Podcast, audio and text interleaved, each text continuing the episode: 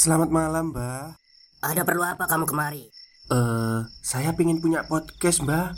Biar pacar saya makin cinta sama saya. Loh, loh, loh. Mau bikin podcast kok tanya dukun? Sekarang kamu download aplikasi Anchor.fm. Di situ kamu bisa buat podcast gratis dan podcast kamu bisa didistribusikan ke platform mana pun. Dan di aplikasi atau website Anchor.fm juga terdapat fitur-fitur yang memudahkan kamu untuk membuat podcast. Oh, gitu ya, Mbak. Kalau gitu, saya boleh minta password wifi-nya, Mbak. Buat apa? Buat download Anchor.fm, Mbak. Gerbong berikutnya tidak jauh berbeda. Namun, kali ini bau kemenyan tercium di gerbong ini. Seperti tadi, kami ingin berlari secepat mungkin meninggalkan gerbong ini. Tapi tiba-tiba Kasdi berhenti saat menyadari sesuatu. Biadab, ucap Kasdi setelah sadar dengan sosok di sekitar kami. Aku yang baru saja menyadarinya juga berusaha menahan mual. Bagaimana tidak? Seluruh penumpang di kereta ini sudah tidak bernyawa, dengan kepala yang sudah tidak lagi berada di tempatnya. Siapa yang tegang lakuin ini? Ucapku. Kami berusaha menahan rasa takut kami dan terus berjalan dan tepat saat akan memasuki gerbong berikutnya, pertanyaan kami pun segera terjawab. Dari kaca di pintu gerbong, terlihat seseorang nenek tua berambut putih panjang dengan baju kebaya yang sudah bersimbah darah. Ia menggenggam sebuah parang di tangannya dan menghampiri satu persatu penumpang yang baru saja menjadi mayat itu. Ia memenggal kepala setiap penumpang itu tanpa belas kasihan. Sebaliknya, ia malah tertawa seolah menikmati apa yang ia lakukan.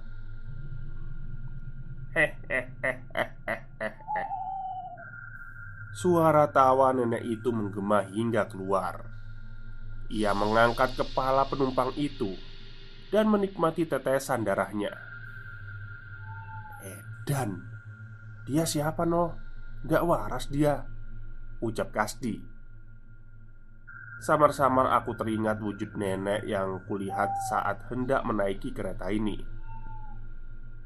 Gak tahu di Yang jelas Dia berbahaya Jawabku Terus gimana caranya kita ngelewatin itu? Gak ada jalan lain di tengah hujan malam itu dan cepat kereta melaju, kami memutuskan untuk memanjat gerbong untuk melewati nenek-nenek itu. "Kamu bisa naik ke atas?" tanyaku pada Kasdi. "Bisa kok. Tangan luka segini mah gak seberapa." Balasnya percaya diri. Aku membantu Kasdi naik terlebih dahulu. Setelahnya, Aku memastikan nenek itu tidak menyadari keberadaan kami dan menyusulnya naik ke atas. Aku pernah beberapa kali menaiki atas gerbong kereta, namun biasanya di siang hari, dan tidak pernah secepat ini kereta berjalan. Saat ini kami berhati-hati sembari merangkak di gerbong menahan terpaan angin dan air yang terasa tajam di wajah kami.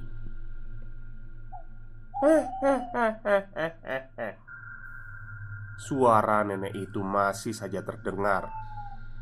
Hal itu seolah menandakan ia baru saja memenggal satu jasad penumpang lagi. Hati-hati, Noh, jangan sampai kedengeran sama nenek itu. Peringat Kasdi. Iya, kamu juga. Awas licin. Waktu cukup lama kami pun akhirnya sampai ke ujung gerbong.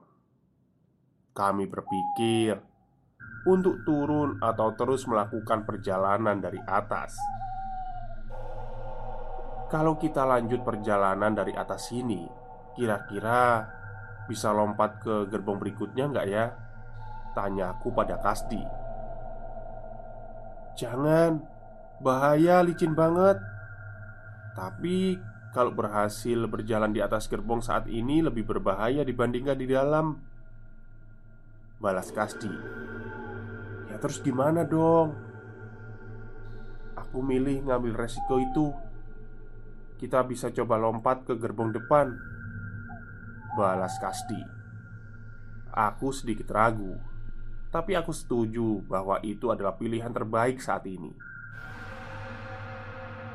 Kasdi pun mengambil ancang-ancang. Dia sedikit berlari dan melompat ke gerbong berikutnya. Terdengar suara yang cukup keras saat Kasdi mendarat ke atap gerbong berikutnya. Aku pun melakukan hal yang sama. Brak! Sekali lagi terdengar suara yang keras. Tepat saat aku mendaratkan kakiku Di atap gerbong.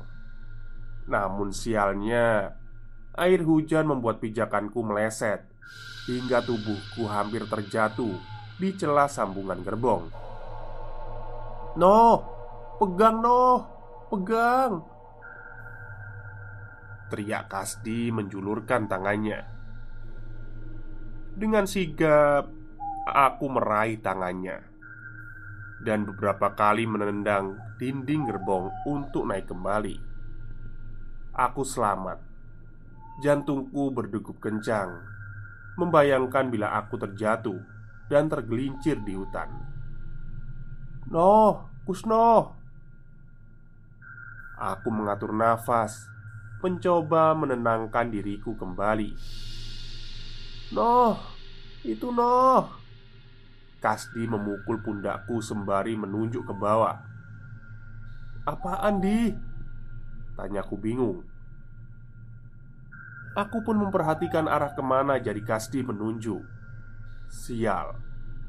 Dari kaca pintu gerbong yang kami lewati sebelumnya Terlihat nenek itu menatap ke arah kami. Ketahuan?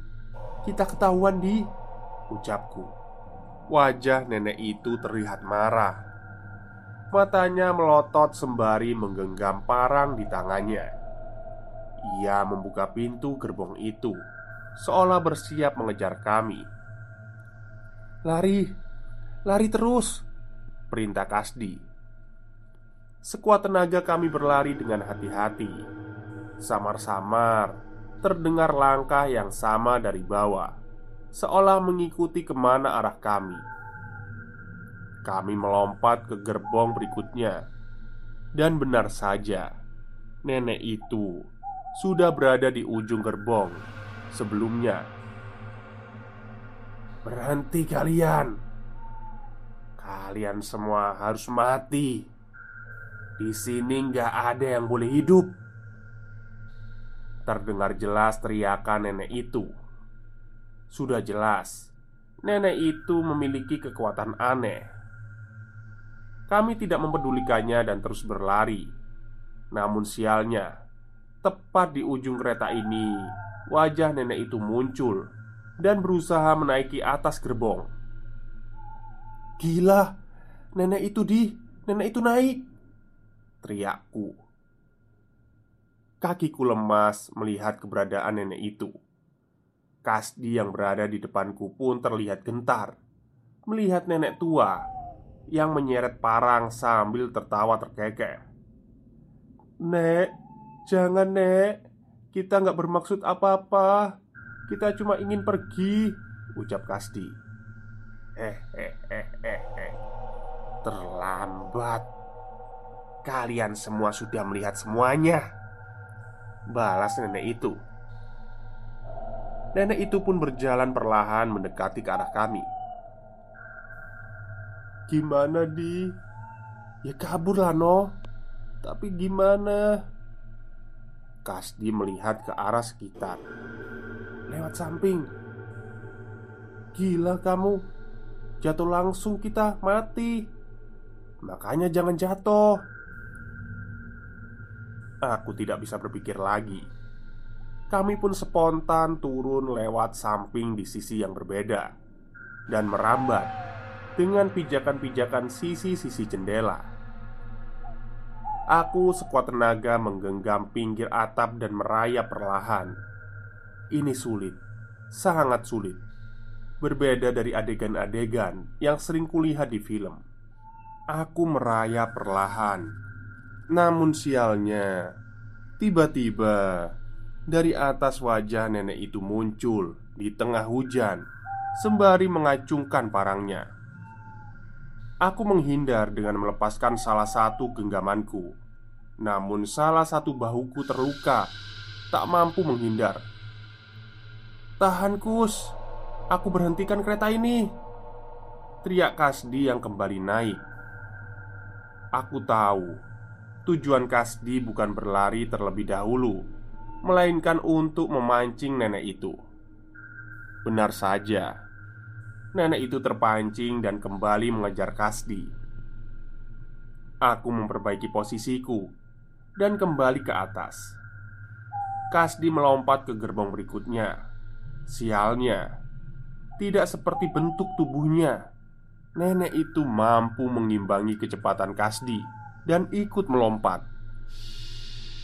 Dengan menahan lukaku, aku mengejar mereka. Tapi sepertinya nenek, nenek itu punya rencana lain. Ia menarik sebuah tusuk kondenya, mengambil sebuah boneka jerami dari dalam kebayanya, dan membacakan mantra seperti menatap Kasdi. Mati kue. Nenek itu menusuk boneka jerami itu. Bersamaan dengannya, Kasdi yang berada di depannya jatuh. Samar-samar aku melihatnya memuncratkan darah dari mulutnya. Kasdi! Teriakku. Kasdi berusaha berdiri. Ia masih ingin mencoba berlari Meraih gerbong terakhir. Sudah Kas! Jangan bangun lagi! Teriakku menyadari sesuatu. Nenek itu kembali menusukkan tusuk kundenya. Kasdi pun kembali terjatuh tengkurap. Nenek brengsek Biar aku lepaskan gerbong-gerbong ini. Teriakku yang bersiap melompat ke sambungan gerbong. Berhasil. Nenek itu mengalihkan pandangannya ke arahku. Jangan berani-berani kamu Teriak nenek itu mengancam. Aku tidak bercanda. Akan aku lepas gerbong-gerbong ini. Nenek itu menatap marah ke arahku Aku harus memastikan nenek itu tidak menatap ke arah Kasdi. Kusno, sekarang. Tepat dengan ancang-ancang dari Kasdi Aku pun melompat ke arah sambungan gerbong. Bersamaan dengan itu Kereta ini melewati terowongan jembatan Yang dengan sekejap menghantam tubuh nenek sialan itu. Mati kau nenek brengsek Umpat Kasdi Tepat saat melewati terowongan jembatan itu, seketika wajah nenek itu sudah ada di depan wajahku yang jatuh tertuduk. Tidak, bukan nenek itu. Itu kepala nenek itu yang terpisah saat menabrak terowongan jembatan tadi. Hah, nenek sialan. Aku pun melempar kepala itu ke hutan tempat kami melintas. Kasdi, Aku segera bergegas melewati gerbong berikutnya untuk memeriksa keadaan Kasdi. Ia turun dari atap gerbong tepat sebelum gerbong paling depan. "Gimana di lukamu?" tanya Kas tanyaku memastikan. "Tenang aja, nggak apa-apa. Aku tahu ilmu santet begituan. Kalau dia nggak punya rambut atau darahku, dia nggak bakal bisa langsung ngebunuh." Jelas Kasdi Kok kamu bisa tahu begituan? Tanyaku Stop stop Kita break sebentar Jadi gimana? Kalian pengen punya podcast seperti saya?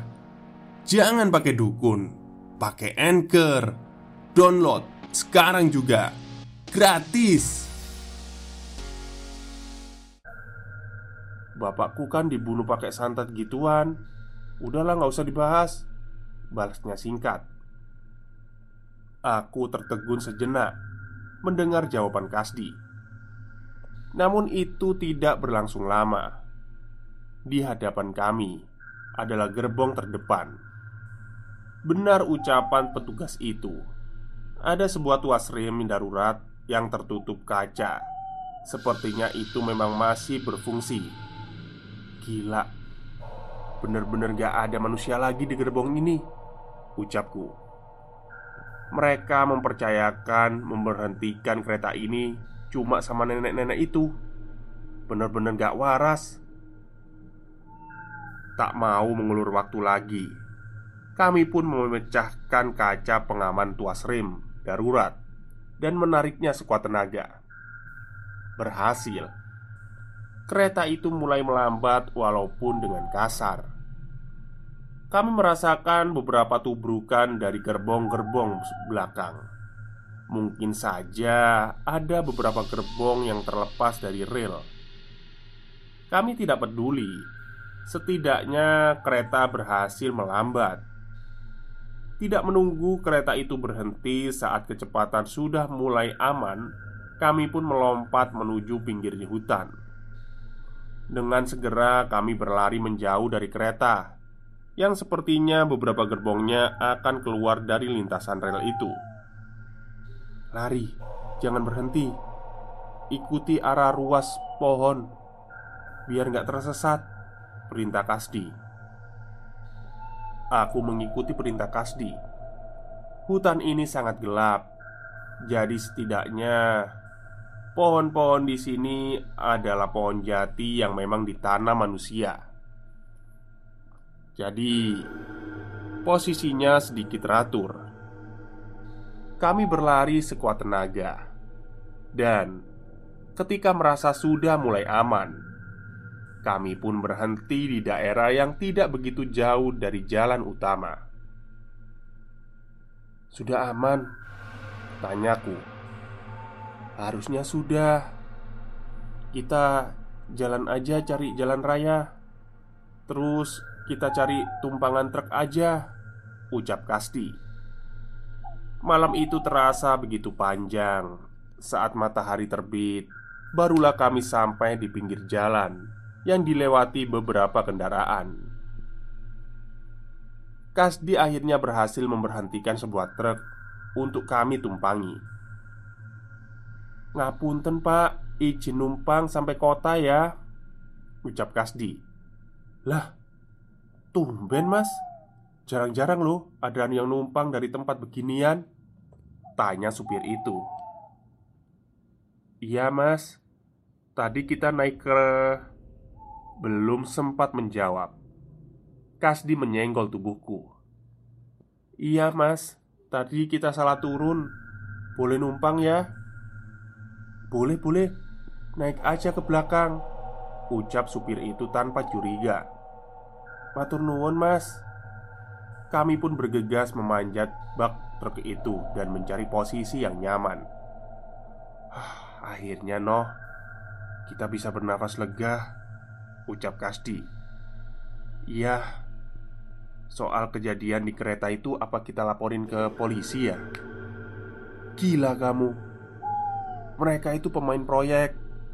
Bisa-bisa kita nggak selamat. Jawabnya, benar juga. Gak mungkin kereta sebesar itu bisa beroperasi tanpa sepengetahuan lembaga terkait Udah tidur aja Sampai kota baru baru kita pikirin mau ngapain Aku pun bersiap untuk tidur. Tapi Belum sempat. Untuk itu tiba-tiba Kasdi menatapku dengan aneh. Noh Yang kamu tidurin itu kantung apa? Kok besarnya nggak wajar? Sontak.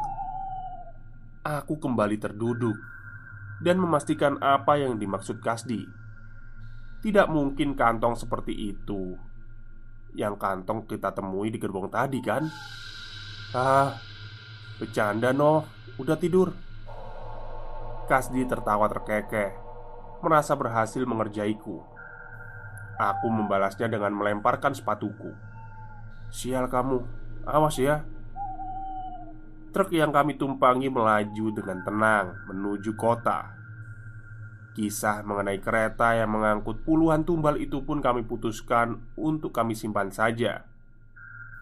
Selain mungkin akan membahayakan kami, lagi pula siapa yang akan percaya? Tamat. Mohon maaf apabila banyak kurangnya ya. Pasti banyak tipe dan plot yang berantakan. Tapi semoga tetap bisa dinikmati. Semoga berkenan untuk share dan komen. Terima kasih. Alhamdulillah, itulah akhir cerita dari gerbong pengangkut jenazah milik Mas Dio Seta. Tapi memang ini cerita mungkin berdasarkan cerita nyata tapi sama Mas Dio Seta mungkin difiksikan gitu ya. Tapi memang bener sih Proyek-proyek kayak gitu itu butuh tumbal gitu loh. Tapi kan kita nggak tahu Mereka jenazah itu tumbalnya dapat dari mana kan kita nggak tahu. Soalnya ketika proyek besar itu pasti butuh manusia yang lebih banyak tumbalnya itu. Itu menurut kepercayaan loh ya. Oke mungkin itu saja cerita untuk siang hari ini Semoga kalian suka. Selamat siang dan selamat beristirahat.